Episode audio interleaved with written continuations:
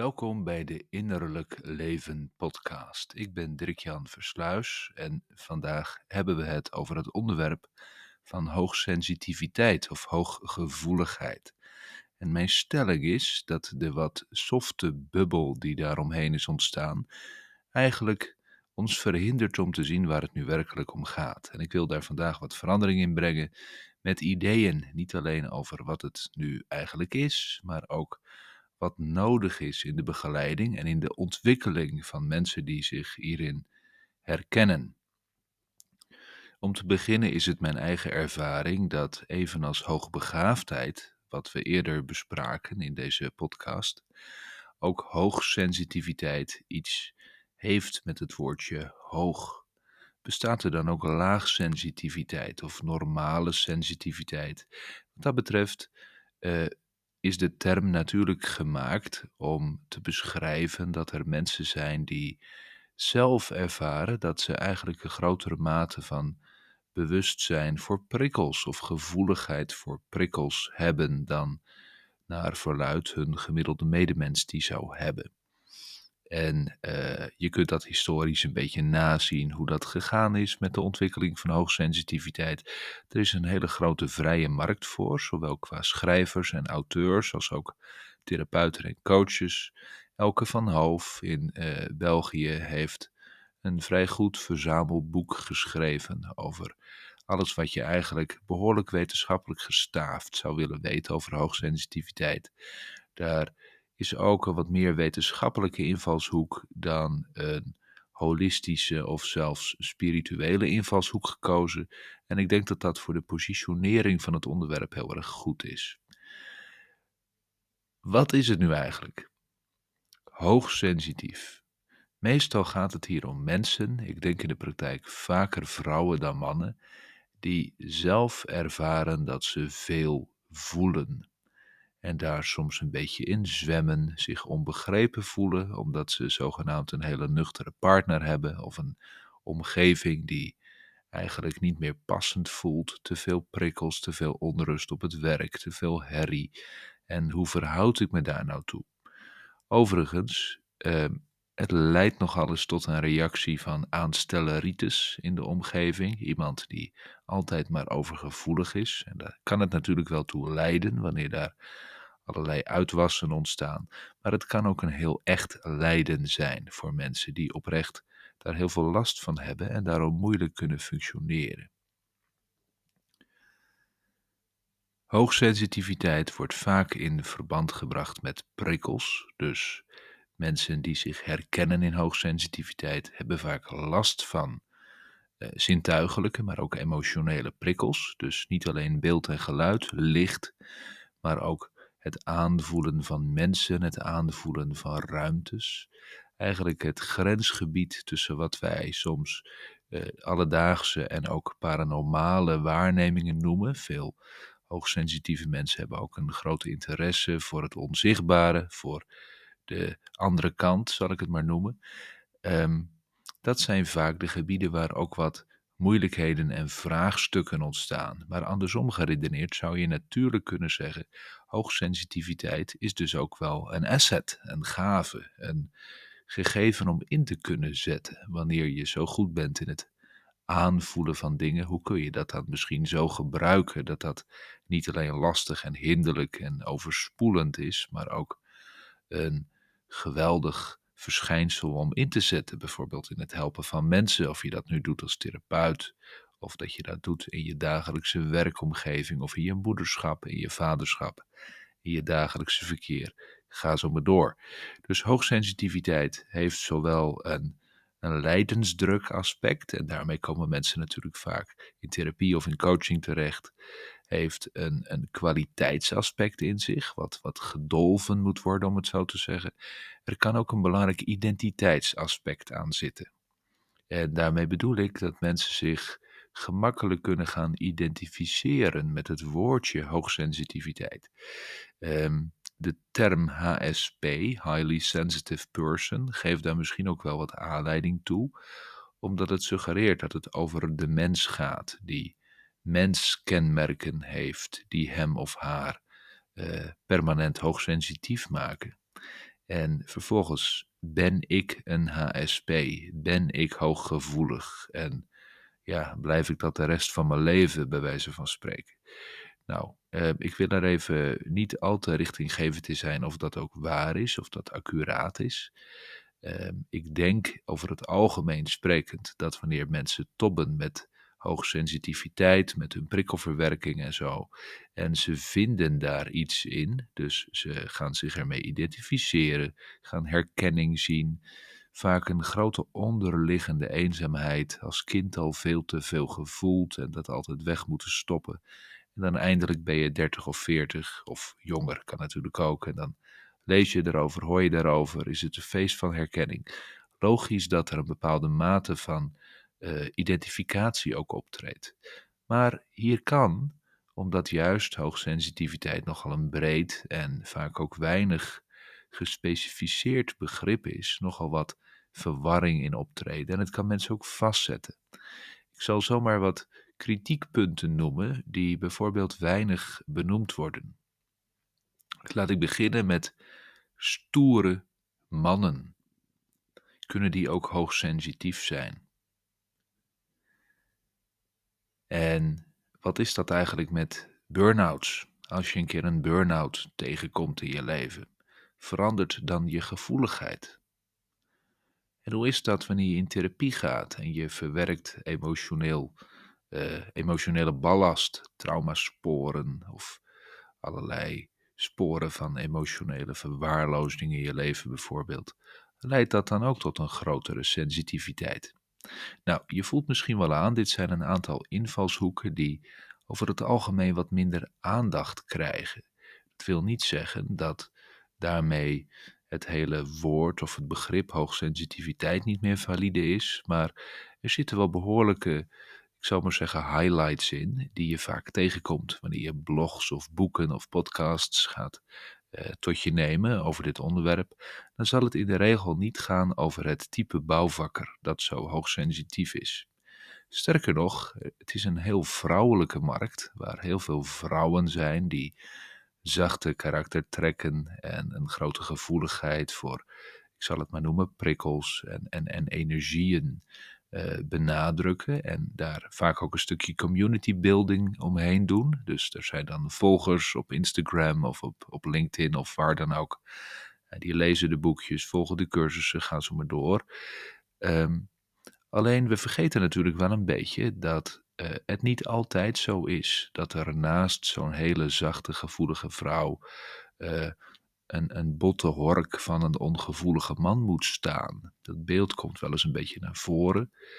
Maar ik vind het andersom een heel groot probleem dat juist hoogsensitiviteit wordt ingebracht bij, ik zal het maar noemen, de zachte kenmerken van mensen. En dat zijn dan inderdaad vaak vrouwen en ook wel mannen met een wat gevoeliger, sensitiever profiel. Maar dat wil natuurlijk niet zeggen dat de meest stoere mannen, die misschien wel heel weinig met hun gevoel kunnen, niet ook begeleid moeten worden om hun eigen sensitiviteit te ontdekken en daar goed mee om te leren gaan. En daar heb ik eigenlijk wel een broertje dood aan. Wij werken veel met uh, mannen, eigenlijk toch, veel meer mannen dan vrouwen.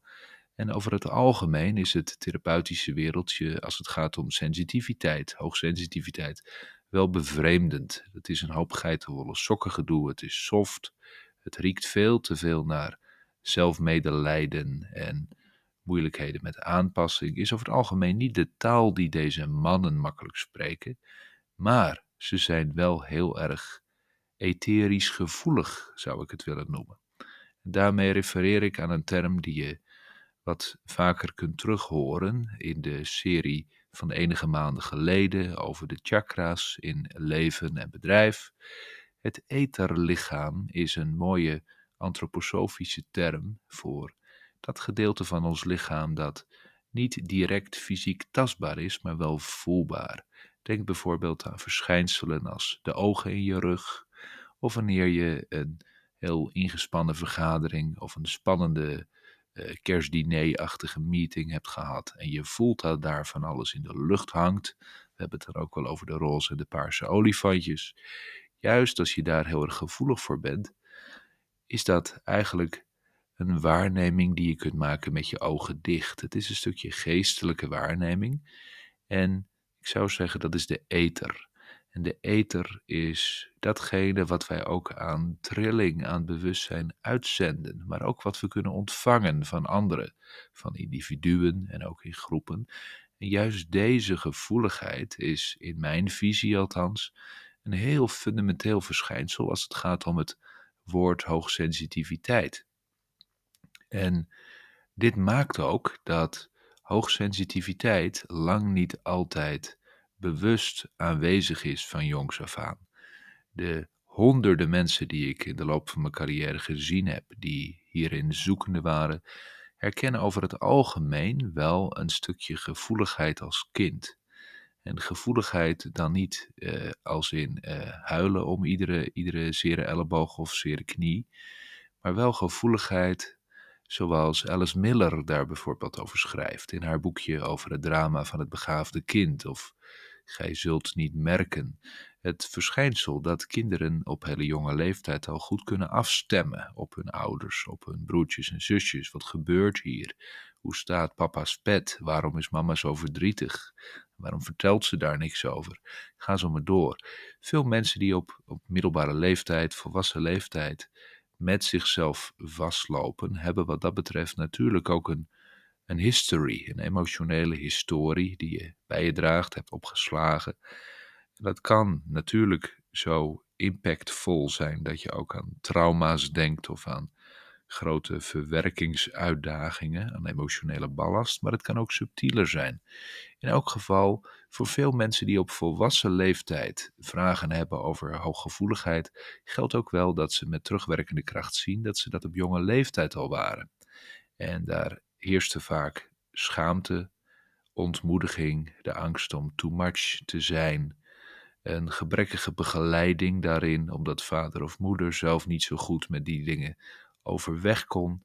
En dat geldt zeker wanneer die gevoeligheid ook nog een soort van spirituele component heeft. Wanneer kinderen eigenlijk gewoon dingen weten, innerlijk weten, aanvoelen. Heel mysterieus, toch ook heel natuurlijk. En dat komt vaak op volwassen leeftijd terug, wanneer mensen zoekende zijn naar ben ik hoogsensitief en wat betekent dat nu voor mij en wat voor eigenschappen heeft mij dat opgeleverd.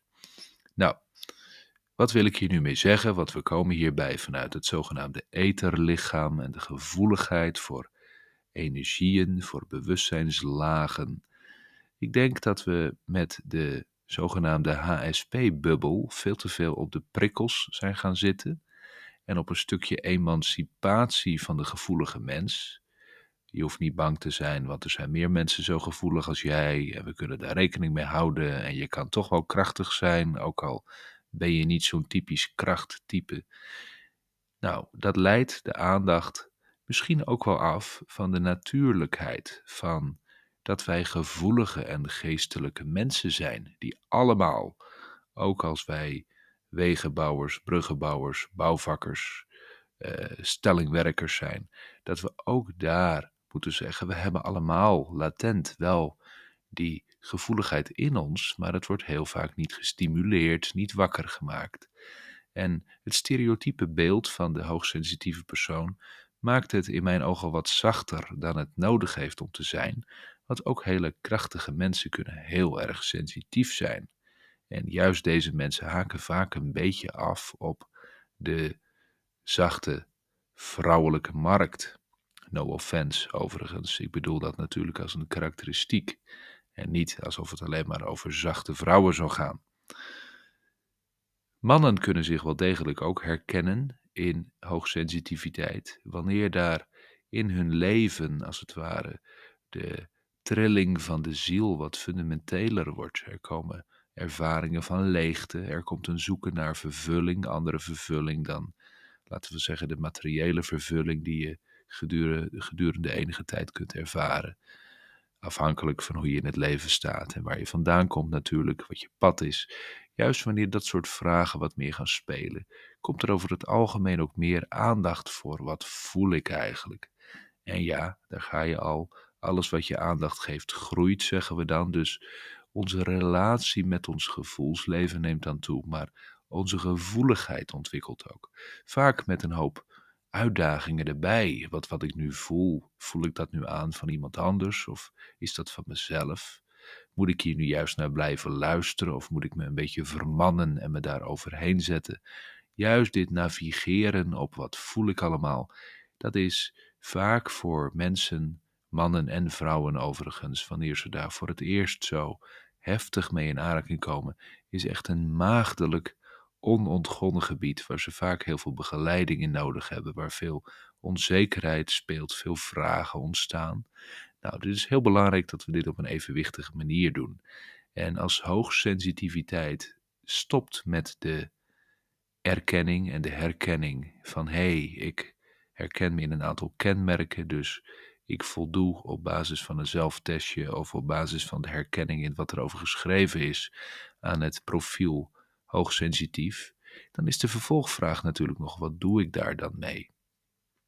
Het kan bijvoorbeeld zijn dat die hoogsensitiviteit al makkelijk gelabeld wordt als een soort karakterkenmerk, maar dat het eigenlijk ook een gevoeligheid is die in lijn staat met allerlei emoties die loskomen en naar boven komen. Wanneer mensen in een crisisperiode in hun leven zitten, dat kan persoonlijk zijn, kan zakelijk zijn, kan in de liefde zijn.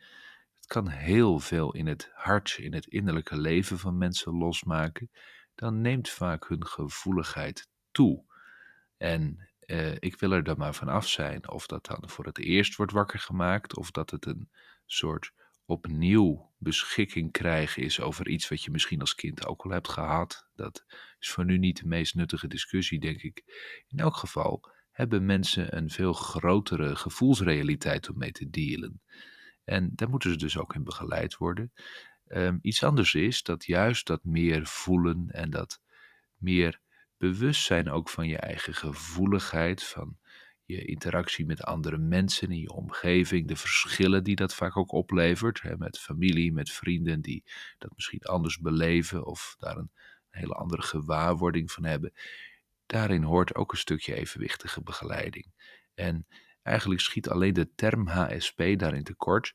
Moeten we ook zien, is er een relatie met persoonlijke en spirituele ontwikkeling? Is er een levenscrisis die ook een soort van transformatieproces op gang brengt? Dat willen we dan vooral niet te snel stoppen door alles onder de noemer van HSP te schuiven en eigenlijk het grotere plaatje te vergeten. Dat iemand meer en meer zijn gevoelsaard, zijn geestelijke aard ontdekt en daar ook in begeleid moet worden om verder te groeien, zodat dat kwaliteiten kunnen zijn die niet alleen, ik zou maar zeggen, een potentiële hindernis zijn vanwege de, de overgevoeligheid, vanwege de overprikkeling, maar ook geweldige geestelijke vermogens kunnen inhouden. En daar hoef je helemaal geen therapeut of coach voor te worden om daar profijt van te hebben. Wij zien dagelijks dat ook leidinggevenden die in contact met hun mensen moeten staan. En dat natuurlijk met woorden doen en met vergaderingen en met afspraken. Maar toch ook heel veel tussen de regels door moeten kunnen lezen. Dat juist deze mensen heel veel profijt hebben van ontwikkeling van sensitiviteit. Wanneer ze goed leren afstemmen op zichzelf, op anderen. Daarin onderscheidingsvermogen aanleren. Wat is van mij, wat is van jou, wat is van ons allebei? Waar moeten we wel wat mee? Wat kunnen we gewoon eventjes laten of eventjes voelen, verdragen, ga zo maar door. Juist dat soort ontwikkelingsprocessen zijn van cruciaal belang en hebben vaak jarenlang een hele grote betekenis voor mensen op alle levensgebieden, maar ook in de ontwikkeling die mensen doormaken. Nou, als je niet uitkijkt, blijft een al te snel identificeren met HSP, hoogsensitiviteit, hooggevoeligheid, een beetje te veel hangen in Kijk eens, hier herken ik mezelf in. Dit ben ik ook. Dit beschrijft mij helemaal. Deze kenmerken heb ik. Zonder dat het ons stimuleert om eigenlijk ook de weg naar binnen te gaan en te gaan ervaren hoe is dit nu voor mij? Wat heeft dit mij te zeggen? Waarom ervaar ik dat nu in mijn leven? En waar komt het eigenlijk vandaan? Nou, dat zijn wat mij betreft vervolgvragen, verdiepende vragen die hoogsensitiviteit als ankerpunt, als herkenningspunt, veel interessanter maken. Laat dus alsjeblieft het prikkelaspect een beetje los als enige kenmerk van hoogsensitiviteit, zie ook dat het in relatie kan staan tot emotionele gevoeligheid, die al een grotere historie heeft. Zie ook dat het te maken kan hebben met een stuk ontwikkeling dat je doormaakt, waardoor je lichaam meer een realiteit voor je wordt. Je gaat meer de onzichtbare dingen voelen. En die zijn toch zo echt en tastbaar voor je dat je daar wat mee moet. Het kan ook zijn, en dat is ten laatste wel een, een aardig perspectief om daarbij te hebben. Ehm, hoe kunnen we nu eigenlijk verklaren dat er zoveel mensen weglopen met zo'n begrip? We hebben dat, ik meen in de jaren negentig gehad met de whiplash bijvoorbeeld. Ik sprak daar wel eens een bevriende huisarts over. Die zei, ja, ieder decennium heeft eigenlijk weer zijn eigen modieuze diagnose. Waar tal van mensen zich in herkennen. En die zie je dan eindeloos langskomen. Nou, ik ben zelf te jong om dat decennia lang te hebben gezien. Ik ben ook geen huisarts, maar ik herken wel het verschijnsel dat soms een diagnose kennelijk, of een term, want ja, is HSP eigenlijk wel een diagnose? Nee, dat is het natuurlijk niet. Het is een, een beeld dat onderscheiden kan worden, waar mensen zich in herkennen. Juist zo'n term kan wel aanhaken bij de realiteit van heel veel mensen. En dat is belangrijk, maar dan is het ook wel interessant. Waarom voelen zoveel mensen zich daartoe aangetrokken? En dan kun je zeggen, ja, dat is modieus. Mensen lopen met hun ziel onder hun armen. En eh, daarom leeft dit kennelijk ook collectief wat makkelijker. Uh, misschien is er toch een vergaande emancipatie van de gevoelsaard. Mag er ook in het zakelijke leven bijvoorbeeld meer oog zijn voor hoogsensitiviteit op de werkvloer. Omdat leiders niet alleen maar macho mannen hoeven te zijn uh, in typische CEO-posities, maar mogen dat ook zachtaardige mensen zijn. En daar is een stukje emancipatie nodig. We komen langzaamaan meer in een voelend klimaat. Ja, daar valt allemaal wel wat voor te zeggen. Maar je zou ook met evenveel uh, plezier daarbij kunnen houden dat er in spirituele kringen best wel wat gedachten zijn over dat we in deze tijd, en met tijd bedoel ik dan toch een tijdvak van op zijn minst tientallen jaren waar je aan zou kunnen denken, langzaamaan een fase ingaan waarin de gevoeligheid, de geestelijke gevoeligheid van de mensen, van de mensheid ook toeneemt. Er wordt dan wel gesproken over een ander tijdperk, niet een tijdperk van verandering, maar een verandering van tijdperk, ook met gevolgen voor de mensheid waardoor eigenlijk op grotere schaal niet alleen het individu dat topt met zichzelf, misschien eens op HSP uitkomt, maar dat de mensheid in algemene zin meer gevoelig wordt voor geestelijke zaken. Er is natuurlijk ook een enorme, eh, niet alleen leegloop van kerken en eh, traditionele religieuze instituten te zien in de loop van de tijd, maar ook een grote interesse voor allerlei spiritueel aanbod wat niet hoeft bij hoogsensitiviteit, maar wat ook wel de tijd tekent. Er zijn nog nooit zoveel boeken over persoonlijke ontwikkeling geweest. Nou, dit zijn allemaal uh, dingetjes die je ook in verband zou kunnen zien met het collectieve verschijnsel. Dat de mensheid toch wat meer aan de slag gaat met wie ben ik nu eigenlijk, wat voel ik nu eigenlijk. En wellicht valt ook de grote aandacht voor hoogsensitiviteit wel te zien in zo'n perspectief. Dat mensen over het algemeen wat meer gevoelig worden voor de onzichtbare gevoelsrealiteit. En van daaruit ook meer oog krijgen voor sensitiviteit, gevoeligheid, hoogsensitiviteit. Ik hoop dat deze podcastaflevering wat ander licht, nieuw licht heeft gegeven op hoogsensitiviteit. Zeker als dat een begrip voor jou is, of wat in jouw leven, bij jouw naasten misschien, levenspartner, vrienden, vriendinnen, kinderen wellicht een grote rol speelt. Ehm, er zijn heel veel goede dingen te lezen over hoogsensitiviteit. In alle gevallen zou ik je heel erg willen aanbevelen. Neem deze filter, deze invalshoeken van vandaag ook even mee. Uh, als we jou kunnen helpen uh, met deze thematiek, en je herkent je in onze visie, in het werk dat wij doen. En je hebt het idee dat je ook een beetje tot onze doelgroep behoort. Mag je altijd met ons in gesprek komen.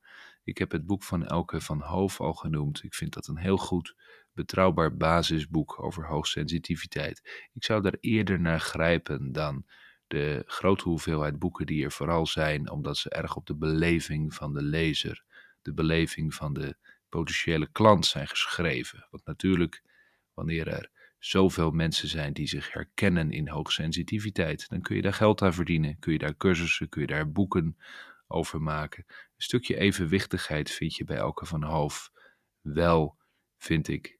En in alle gevallen is het goed om na te denken over dat het niet alleen gaat over dat prikkelaspect, maar ook over een groter ontwikkelaspect met kwaliteiten. En dat je je ook even mag afvragen: wat doet dit eigenlijk met mijn identiteit, met mijn zelfbeleving? Leert dit mij wezenlijk nieuwe dingen over mezelf, waar ik misschien ook wel een beetje aan vast klamp? En waarom doe ik dat dan? Nou, kortom, ik zal het verhaal niet nog een keer overdoen. Ik hoop dat deze aflevering je inspireert en verder brengt in je innerlijke zoektocht.